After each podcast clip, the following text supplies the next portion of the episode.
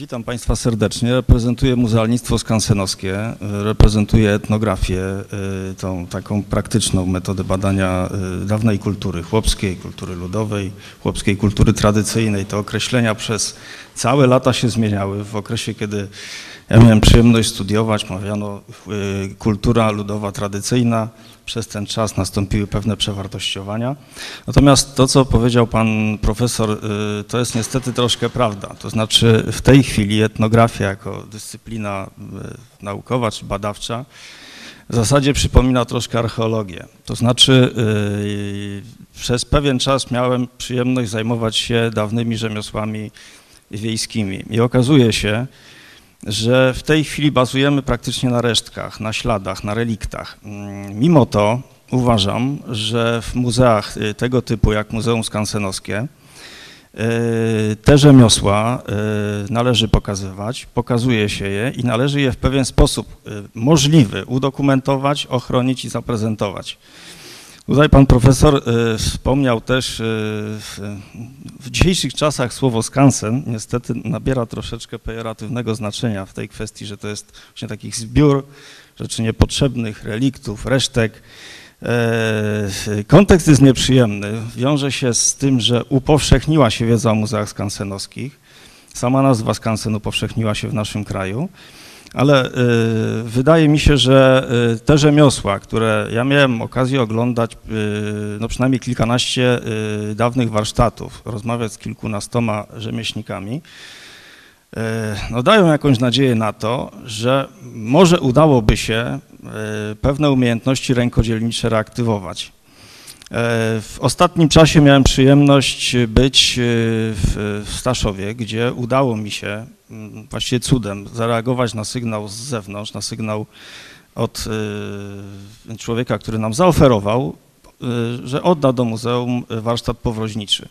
Ponieważ powroźnictwem się troszeczkę interesowałem, uznałem, że napakowany wiedzą teoretyczną, wiedzą jakąś tam naukową, wiedzą historyczną, będę się mógł zmierzyć z tematem. Okazało się, że zobaczyłem zestaw narzędzi, którego wcześniej nie widziałem. Pełny zestaw narzędzi powroźniczych, Y, pełny y, magazyn y, półproduktów, które można wykorzystać do późniejszej pracy w Muzeum Skansenowskim.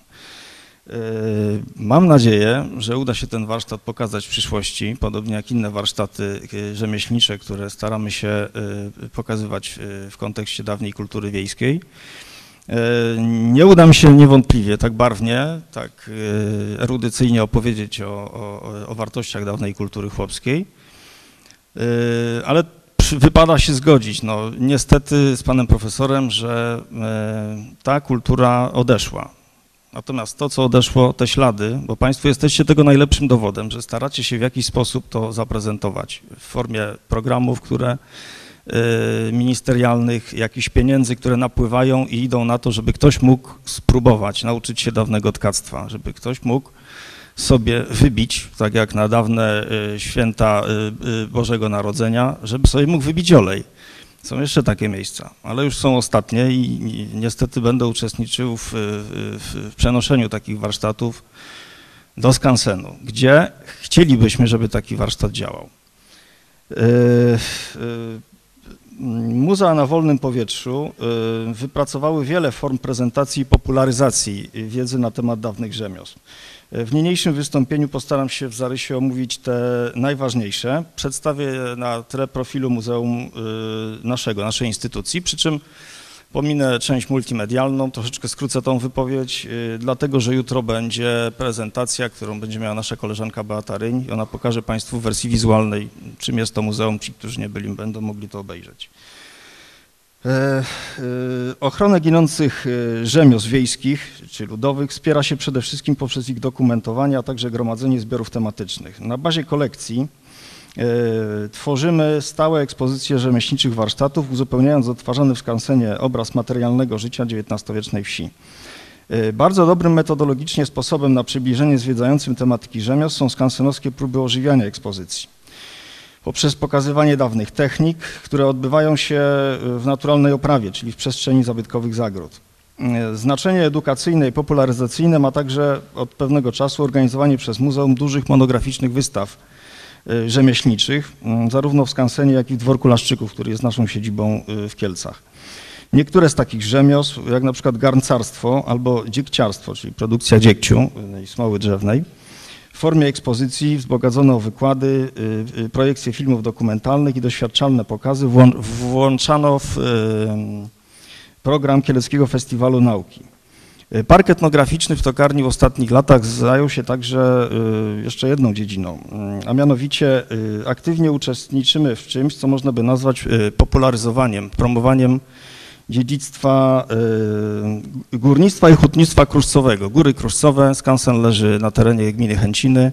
Tam były aktywne y, nie tylko kopalnie, ale także y, miejsca, gdzie po prostu mm, wytapiano ołów. W związku z tym na terenie skansenu odbywają się takie pokazy od lat w formie imprezy wytopki ołowiu, którą wspierają naukowcy z AGH. W zasadzie to była ich kiedyś inicjatywa przed dwudziestu kilku laty, żeby, żeby przemysł, bo tu już nie mówimy o rzemiośle, tylko o przemyśle staropolskim, żeby ten przemysł w jakiś sposób pokazywać w realiach Muzeum Skansenowskiego. E, Przejdźmy teraz do omówienia tej podstawowej nauk- naukowo-badawczej działalności y, skansenów tokarni. I od początku w zasadzie mm, e, e, tematyka rzemiosł odgrywała tam ważną rolę. Mm, Ja w skrócie powiem tylko o naszym muzeum kilka, kilka zdań. Mm, Należymy do takiej dużej rodziny, która y, obejmuje około 40 kilku placówek y, w naszym kraju, no, placówek muzeum na wolnym powietrzu. Podstawowy cel instytucji, która w 76 ro- 1976 roku została powołana do życia, to jest ochrona przede wszystkim y, dawnej architektury ludowej i dziedzictwa kultury materialnej mm, dawnej wsi.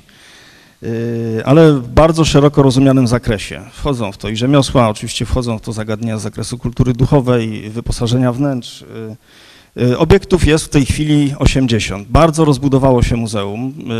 Przybyło nam wiele zagród, przybyło nam wiele obiektów mieszkalnych. Mm, Pogrupowano je w, y, sektory. To są takie zespoły budownictwa, które odpowiadają mm, zgodnie z założeniami muzeum jednostkom geograficzno-fizjograficznym, które udało się wyróżnić na terenie Kielecczyzny. Te sektory y, w skrócie mm, to sektor budownictwa Gór Świętokrzyskich, sektor wyżynny, który grupuje zabytki y, z terenu Wyżyny Krakowsko-Częstochowskiej, sektor lesowy z zabudową pochodzącą z Wyżyny Sandomierskiej, sektor nadwiślański, który ukazuje architekturę z y, terenów y, Niecki Indziańskiej. Dodatkowo profesor Roman Reinfus z Uniwersytetu Jagiellońskiego zaproponował, żeby uzupełnić y, tę prezentację architektury i kultury wiejskiej o zespoły architektury dworsko-folwarcznej oraz małomiasteczkowej. Także mamy kościół, mamy plebanię i cały y, taki sektor y, mm, z tym związany, związany po prostu z, y, z kościołem. Pokazanie wiarygodnego obrazu życia wsi bez dawnego rzemiosła y, no, nie wydaje się możliwe. Wagę tego zagadnienia już y, dla tworzenia dobrych, merytorycznie ekspozycji wnętrz skansenowskich mocno podkreślał profesor Roman Reinfus, autor założeń merytorycznych, który podstawowe kierunki działania etnografów y, precyzował tak. Zadania Muzeum Skansenowskiego nie ograniczają się wyłącznie do ekspozycji budynków i ich wewnętrznego wyposażenia. Koniecznym jest uwzględnienie wszelkich dziedzin y, tradycyjnej ludowej wytwórczości, zarówno typu przemysłu wiejskiego, jak i gospodarki podstawowej, to jest rolnictwa i hodowli. Oczywiście uwzględniano przy tym także zagadnienia życia społecznego i duchowego. Y, Bardzo szeroki zakres badawczy takiego muzeum, jak, y, które ja reprezentuję, y, sprawia, że zagadnienia rzemiosła można prezentować w określonym kontekście. Według profesora Reinfusa pojedyncze warsztaty, już, już wtedy, bo to są zdania wygłoszone w latach właściwie wczesnych 70., już wtedy uważał, że zwyczajnie pozostawienie in situ takiego warsztatu będzie tylko jakby śladem dawnej przeszłości, y, ciekawostką regionalną, a po pewnym czasie po prostu spowoduje zanik. Bo to, co powiedział pan y, profesor przed chwilą, jest bardzo istotne. Utylitaryzm był jedną z wartości tej kultury.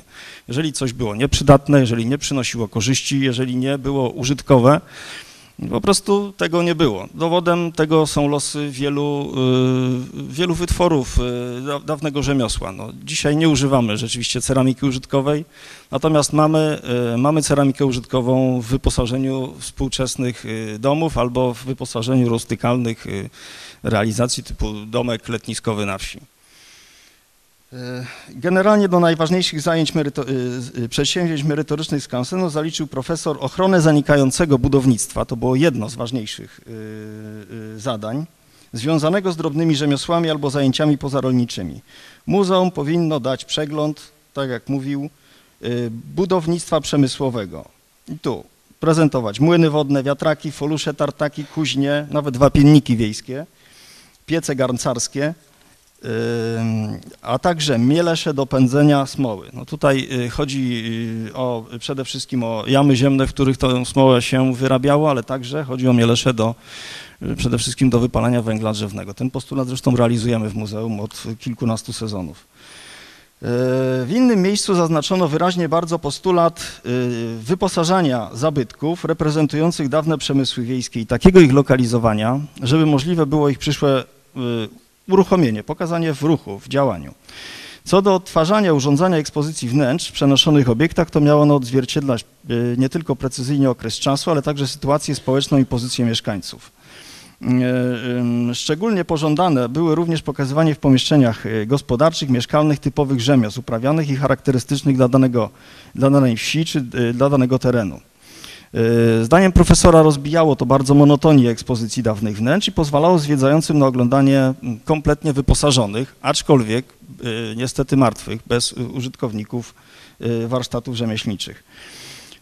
Pierwsze 10 lat działania Muzeum Wsi Kieleckiej skoncentrowane były przede wszystkim na dokumentowaniu architektury, na pozyskiwaniu, gromadzeniu eksponatów z zakresu kultury materialnej do parku etnograficznego. Już w tym czasie zostały zapoczątkowane badania nad tradycyjnymi rzemiosłami uprawianymi na Kielecczyźnie. I tutaj realizację takiego przedsięwzięcia powierzono y, w początkowym okresie mm, budowania skansenu y, pracowni dokumentacji etnograficznej pod kierunkiem pani y, Bogumiły Szurowej działających w ramach kieleckich PKZ-ów. Y, To jest bardzo ważny moment, ponieważ y, y, dzięki wielomiesięcznej pracy etnografów z tego zespołu przygotowano bardzo cenny, ilustrowany i fotografiami, i tekstami, materiałami archiwalnymi zestaw opracowań objęty wspólnym hasłem Rzemiosło Studium Etnograficzno-Historyczne. Y, Cały cykl tych y, materiałów opracowała pani Jo- Joanna Prowęcka-Gucwa. Mm, Tom pierwszy zawierał omówienie y, najważniejszych kwestii teoretycznych, omówienie źródeł historycznych, a kolejne tomy studium tej samej autorki poświęcono najważniejszym rzemiosłom ludowym. To znaczy stolarstwu, bednarstwu, kołodziejstwu, gontarstwu albo gonciarstwu, y, zabawkarstwu, mm, skórnictwu, plecionkarstwu. Te poszczególne tomy to jest w tej chwili bogactwo wiedzy dla nas i to z zakresu archiwaliów, i to z zakresu słownictwa z y, konkretnymi opisami warsztatów, z wymienionymi nazwiskami y, konkretnych rzemieślników. Dlaczego ja podkreślam tą, tą bazę taką ważną dla nas archiwalną i dokumentacyjną? Ponieważ te dokumenty wracają do nas po latach. Jak wydaje się, że jest to zagadnienie nudne, to sobie leży gdzieś w archiwum, czasem ktoś do tego sięgnie, czasem nie. I nagle po jakichś y, 20-25 latach y, dostajemy sygnał, że oto warsztat, który do tej pory był tylko zanotowany, udokumentowany, sfotografowany, on w tej chwili jest do wzięcia. 25 lat temu nie był do wzięcia. 25 lat temu jeszcze gdzieś funkcjonował, jeszcze był przydatny, w związku z czym właściciel nie chciał się z nim rozstać. I mamy w tej chwili taką sytuację, że co jakiś czas y, te, te, te, te piękne warsztaty do nas wracają. Mm, Mamy y, przynajmniej trzy, trzy bardzo dobre warsztaty powroźnicze. Y, Przynajmniej y, trzy zestawy olejarskie służące produkcji biciu oleju. Pojawiło nam się, pojawił nam się zestaw narzędzi z warsztatu kołodzieja z, z, z Daleszyc, który, tak jak powiedziałem, nie był dostępny, a teraz nagle dostaliśmy sygnał, że możemy go otrzymać w darze. I jeszcze udało nam się porozmawiać z, z rzemieślnikiem, który, który po prostu tam pracował, właściwie z, z synem rzemieślnika, który posiadał wiedzę na ten temat. E, e, Równolegle do e, tych badań, o których wspomniałem, gromadzono po prostu zestawy. Już w tym czasie, w latach 70., gromadzono zestawy eksponatów, e, muzealiów dotyczących e, rzemiosł ludowych. I w tym czasie już można było wyróżnić duże zestawy narzędzi z zakresu stolarstwa, bednarstwa, kołodziejstwa, gontarstwa, zabawkarstwa. Y, Pracownicy y, pracujący u nas to są głównie etnografowie. Mm, W tym czasie zaczęli też robić własne projekty badawcze. Między innymi tutaj można wymienić y, projekt badania wsi Rokitno, która jest wsią posiadającą tradycje stolarskie, a przede wszystkim meblarstwa stolarskiego. Więc mm, efektem tej pracy było uruchomienie ekspozycji w chałupie z Rokitna z roku 1805. Mm, Pochodzi ta chałupa, a oddano tam wnętrze zamieszkiwane przez y, zamożnego y, gospodarza, rolnika trudnącego się jednocześnie stolarstwem. Y, W, w izbie, która jest w tej chałupie, znajduje się kompletnie wyposażony warsztat stolarski, wyroby. Można to oglądać w skansenie. Mm, Teraz tak. Y, Jeżeli chodzi o y, rozpoczęcie działania muzeum, to jest rok 1986. Wtedy otworzyliśmy swoje ekspozycje dla y, turystów, no i, i wtedy można powiedzieć te podstawowe prezentacje rzemieślnicze w naszych obiektach już znalazły się na terenie skansenu. W małomiasteczkowej chałupie z Daleszyc umieszczono warsztat szewski.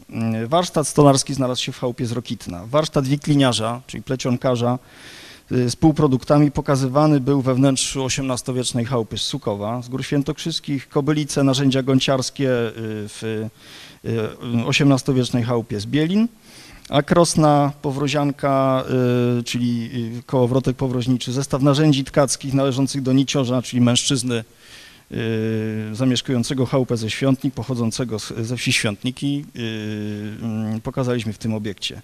Do ekspozycji rzemieślniczych zaliczyć też należy mm, pierwszą ekspozycję wiatraka z, roku 1921 y, pochodzącego. Mm, Przez długie lata ten młyn służył nam do objaśnienia pracy dawnego, y, dawnego młynarza, do pokazania realiów, do po prostu prezentacji sposobów, w jaki otrzymywano, otrzymywano mąkę. Y, Teraz tak, jest jeden problem teoretyczny w muzeach skansenowskich, bardzo poważny. On dotyczy właśnie zaniku dawnych rzemiosł w realiach współczesności.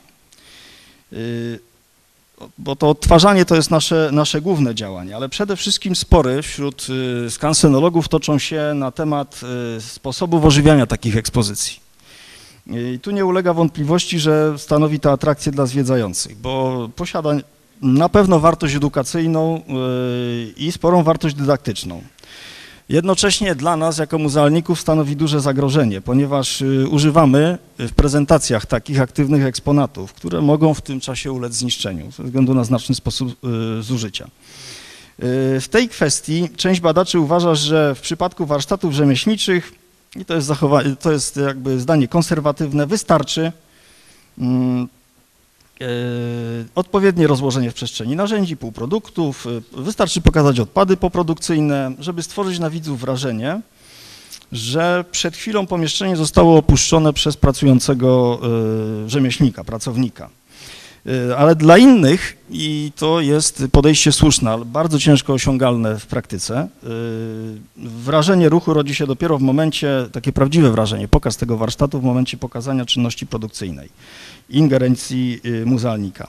To ożywianie towarzyszy Muzeum Skansenowskim od, właściwie od początku powstania tego typu muzealnictwa, bo jest bardzo prawdopodobne, a właściwie pewne, że już Artur Hazelius w roku 1891 w październiku, kiedy otwierał swoje muzeum w Sztokholmie, zastosował tą metodę, pokazał czynne warsztaty, no i jednocześnie wyznaczył jakby metodę ich prezentacji, metodę bardzo trudną, bardzo ciężko osiągalną, y, która w niektórych muzeach zachodnich y, no, udaje się y, y, osiągnąć ten efekt. Takim przykładem jest, są muzea fińskie, Muzeum y, w Turku, y, takim przykładem są muzea duńskie. y, mm, Natomiast y, w Polsce y, staramy się w tych muzeach, które powstały w latach 70., niektóre powstały w latach 60., y, żeby y, w jakiś sposób te warsztaty były ożywione. Gorącym zwolennikiem takiego uruchamiania młynów, wiatraków, obiektów dawnych przemysłów wiejskich. W skansenach był profesor, wspomniany profesor Reinfuss. W swoich wypowiedziach przywoływał bardzo często przykład bułgarskiego dziwo muzeum w Eter. To jest muzeum, które prezentuje rzemiosła gdzie y, udało się uruchomić aż 26 swego czasu warsztatów rzemieślniczych. 60 rzemieślników y, tradycyjnymi metodami pracowało, produkowało, zarabiało, sprzedawało swoje wyroby. Przy czym to już jest w zasadzie kategoria historyczna. Ta, tego typu działalność w tej chwili należy do przeszłości. E, pisał o tym mm, profesor tak. Prowadzone w skansenach warsztaty rzemieślnicze i tradycyjne urządzenia przemysłowe nie powinny mieć charakteru pokazu. Powinna to być normalna pracownia produkcyjna, obliczona na działalność ekonomiczną, samowystarczalna w sensie finansowym, a nawet przynosząca zyski dla budżetu muzeum. W latach jeszcze 50., 60. może byłoby to osiągalne. Niestety w praktyce codziennej y, Muzeum Skansenowskiego y, działania takie bywają bardzo trudne, prawie niemożliwe do realizacji. No mamy troszeczkę doświadczeń w tej dziedzinie. E, jednakże ożywianie jest konieczne, ponieważ zwiedzający bardzo sobie cenią kontakt e, z rzemieślnikiem. Cenią sobie nawet, jeżeli to nie jest pełny pokaz możliwości produkcyjnych warsztatu, mm, dotknięcia narzędzi, porozmawiania z tym rzemieślnikiem, podpatrzenia jego pracy. E, bardzo duże zainteresowanie, jako, tu, jako przykład podam takie działania, wzbudzały wielokrotnie pokazy gontarstwa ludowego, które organizowaliśmy w Zagrodzie z Bielin. Y, po obejrzeniu ekspozycji, która jest zlokalizowana w sieni i eksponatów tych wpisanych na inwentarz, ludzie mogli przejść na podwórze i tam zobaczyć rzemieślników przy pracy. Mogli zobaczyć proces łupania gontu, coś czego się już dzisiaj nie stosuje, nie ogląda jeżeli są, są tacy rzemieślnicy, którzy próbują tak pracować, znam takich dwóch, E, przy czym jednego z bardzo dużym zasobem wiedzy na temat gontarstwa. E, przeważnie dzisiaj gąt produkuje się metodą mm, no, niezgodną z naturą, czyli się go tnie maszynowo. Sprawa polega na tym, że taki gąt położony na dachu nie wytrzyma, tak jak dawniej, 40 lat, 50 lat, tylko wytrzyma lat 10. Będzie pękał, będzie się niszczył i będzie po prostu nieprzydatnym pokryciem dachowym. To była jednocześnie tak i pokaz, gdzie ludzie mogli zobaczyć, jak ten y, gąciarz od początku do końca łupie klocek, potem ten klocek y, wkłada w kobylicę, potem y, za pomocą olśnika stru, struga, potem wystrugany, wystruganym wykonuje fugownikiem fug, a potem pieczątką już jako reklamową wizytówkę przekazywał to często ludziom, którzy obserwowali ten pokaz. Mm, e, my mieliśmy tutaj doświadczenie bardzo ciekawe, to znaczy ten pokaz zaowocował tym, że e, dyrektor jednego z muzeów skansenowskich stwierdził, że byłoby dobrze, żeby u nich pojawiło się gontarstwo jako rzemiosło, ponieważ nie mieli bazy surowcowej, nie mieli rzemieślników i przysłał e, jednego z pracowników na naukę do tego gonciarza. Oczywiście nauka nie mogła, nie mogła trwać pięciu dni, to znaczy tyle, tyle, tyle trwała, tyle wiem z relacji kolegi. E, a wiem, że nie mogła trwać pięć dni, ponieważ robiłem wyczerpujące wywiady z tym człowiekiem. Posiada olbrzymią wiedzę na temat drewna, na temat pozyskiwania, na temat tego, jakie drewno wybrać, żeby, żeby on był właściwy. E, mimo to w tymże muzeum ze zdziwieniem, a w sumie i zadowoleniem zobaczyłem po jakimś czasie, że Oczywiście, w szopie siedzi tenże młody człowiek, który troszeczkę liznął, że tak powiem kolokwialnie, tego rzemiosła, wyuczył się podstawowych technik i próbuje ten gąt robić z materiałów, które były charakterystyczne dla tych terenów. Yy, wymagałoby to olbrzymiej praktyki, wprawy, ale yy, no jednak jest to jakieś działanie może skromne, może, yy, może mało atrakcyjne, ale które pozwala to rzemiosło pokazać na żywo, zaprezentować. Pokazy dawnych technik rzemieślniczych to również pokazy, pokazy kowalstwa. Zabytkowa kuźnia z Radowski. Mamy taką kuźnię i tam zapraszamy kowala, tylko nie kowala mm, artystycznego, a kowala użytkowego, czyli człowieka, który potrafi naprawić narzędzie, potrafi y, wykuć lemierz, zrobić podkowę. Y, pan Ronisław Pieliński prowadzi takie lekcje, właściwie należy to traktować jako lekcję, e, lekcję muzealną we wnętrzu e, e, tejże kuźni. Prowadzi także pokazy. I należy uznać, że jest to bardzo ciekawa forma przybliżania realiów tego rzemiosła. Z tą tylko różnicą, że zdarza się, że niebezpieczeństwo, zagrożone są eksponaty. Mieliśmy takie przypadki, że ludzie, którzy uczestniczyli dla zabawy, dla zgrywy, y, zabierali nam na przykład dwa czy trzy narzędzia, a znajdowaliśmy je potem w krzakach. Dla nas jest to sprawa ważna, istotna w ochronie, w ochronie muzealiów, ponieważ jeżeli nam zaginie muzealium wpisane na inwentarz, musimy, musimy po prostu wdrożyć procedurę bardzo zawiłą, skomplikowaną. Powinniśmy zgłosić ten fakt na policję, choćby to była łyżka drewniana z numerem, czy, czy nawet podkowa, która miała numer. To wtedy, y, no niestety, y, jest poważny problem. Y, I to jest jeden z poważnych problemów w pokazach, w ożywianiu rzemieślniczych ekspozycji. Trochę inną formułę edukacyjną postanowiliśmy zastosować przy udostępnianiu zabytków młynarskich. No tu już jest problem mm, totalny. To znaczy w skansenach generalnie, co kiedyś pod, y, podkreślał profesor Jan Święk, specjalista od młynarstwa wietrznego, większość wiatraków po prostu nie działa. Podejmowane są próby uruchomienia, ale te próby y, ja oceniam bardzo negatywnie, to znaczy Y, jeżeli byśmy chcieli uruchomić wiatra, którym kręcą się tylko śmigi, śmigi i takie pomysły by, bywały, na szczęście nie bywały realizowane zbyt często, y, no to należy zainstalować na przykład silnik. Nie, ma być tam kompletne wyposażenie, y, które było i dopiero na bazie tego wyposażenia wiatrak ma działać. Jest to niezwykle trudno osiągalne, dlatego, dlatego my przyjęliśmy trochę inną zasadę. Młyn wieczny w ruchu z E, właściwie nie da się go pokazać w sposób, e, w sposób pełny, taki zgodny z realiami. Mm, e, chcieliśmy pokazać czynności wstępne do przemiału. To, czego ludzie przeważnie nie obserwują, bo wiatrak jest budowlą statyczną, a więc przenoszenie kołowrotu, czyli takiej tradycyjnej, jak to mawiano dawniej, baby, na którą nawijał się sznur i którą można było wiatrak przekręcić w kierunku wiatru. Więc przekręcano to, ten wiatrak, wciągano worki do drzwi zbożowych, wreszcie y, jeżeli był odpowiedni wiatr, bo mamy taki jeden wiatrak kompletny, można było obrócić śmigi i pokazać obracające się skrzydła wiatraka. Y, całość pokazu musiała jednak i musiało temu towarzyszyć bardzo dobry komentarz naukowy, taki merytoryczny. Trzeba było przybliżyć realia pracy tego yy, młynarza wiatracznego, trzeba było powiedzieć różne rzeczy anegdotyczne i nie tylko. Żeby ludzie mogli zobaczyć, na czym polegało działanie takiego młyna. Przy okazji realizacji pokazu trzeba było krytycznie podejść do postulatu prezentacji obiektów przemysłowych w ruchu.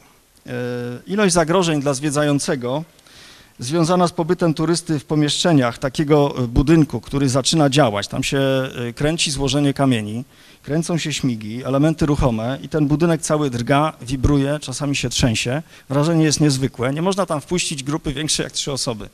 Także y, pokaz mielenia w dawnym wiatraku jest dostępny tylko dla wybranych, tylko dla małych grup i tylko sporadycznie. Y, przestrzeń skansenu wykorzystywaliśmy wielokrotnie do promocji tych rzemiosł, które określa, czy zawodów, które określa się jako ginące. No, najprostsza metoda działania to była zaproszenia z wyrobami rzemieślników, którzy konkretne wyroby potrafią wykonywać. To już jest naprawdę nieliczna grupa, jest ich coraz mniej. Yy, zapraszaliśmy, mieliśmy mm, warsztat rymalski, mieliśmy pokazy stolarskie, warsztat zabawkarski, zapraszamy zabawkarzy, wikliniarzy, ostatniego bednarza, który u nas na Kielecczyźnie pracuje, Mm, y, tkaczki, y, pokazy gontarskie, to już wspomniałem, pokazy powroźnicze. Y, jeżeli teraz chodzi o najważniejsze formy ochrony badania dawnych rzemiosł, którymi są wystawy i publikacje. Wydaje mi się, że mimo, że ta kultura, którą my wszyscy w tej chwili hołbimy, obserwujemy jej ślady, staramy się zachować te, te, te resztki w jakiejś sensownej formie, przestała istnieć, Moim zdaniem y, dzisiaj można pewne rzemiosła pokazać, nie tylko w skansenach. Widziałem czynne piekarnie y, produkujące według starych receptur z lat 30. Y, piekarnia, w której nie używa się w ogóle dodatków sztucznych. Są miejsca, gdzie można wybić olej jeszcze i na święta ludzie przyjeżdżają albo ludzie chorzy na żołądek, żeby taki olej lniany sobie wybić, żeby, żeby z tego oleju skorzystać. Tylko y, potrzebna jest jedna zasadnicza rzecz. Y, nie wiem, czy to jest osiągalne w dzisiejszych realiach, bo mecenat państwa, opieka państwa nad różnymi y, dziedzinami wytwórczości jakby przestaje istnieć i nie ma uregulowań prawnych, które pozwalają na przykład starej piekarni funkcjonować w tym mm, y, z dawnym wyposażeniem. Tam są piękne meble stare, malowane 20 razy na olejno. Tam jest deska, przez którą podawano ludziom chleb. Ta deska jest w tej chwili już bardzo mocno wypracowana. My chcemy ten warsztat przenieść do skansenu. Być może uda nam się zbudować piekarnię i uruchomić produkcję, ale kiedy etnograf przyszedł tam, żeby y, jakby zrobić dokumentację, a następnie wywiad z właścicielami, zaraz po nim kilka dni przyszedł sanepid.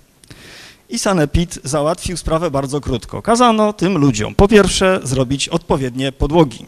Dawniej tam były deski, potem był beton, a współczesność wymagała, y, żeby były zrobione płytki. W miejscu, gdzie y, nie było ujęcia wody, musieli sobie wybić dziurę, przeprowadzić y, wodę, zrobić kran do mycia rąk. Na szczęście ocalało całe wyposażenie i w zasadzie dzisiaj ten, ta piekarnia, ona jest trochę niedoceniana w Bodzentynie. Ludzie podobno nie lubią tego chleba. Ja lubię wyroby te tak zwane tradycyjne. Y, Bywam tam i za każdym razem, kiedy tam bywam, kupuję dwa, trzy, cztery bochenki dla kolegów, dla siebie, dla rodziny i za każdym razem przypominam yy, uprzejmie, że gdyby ktoś chciał pozbyć się tego wyposażenia, to żeby przekazał go do Muzeum Sikieleckiej. A u nas może się uda, omijając yy, różne procedury, uruchomić taki warsztat piekarniczy, yy, taką piekarnię z lat 30. Dziękuję bardzo.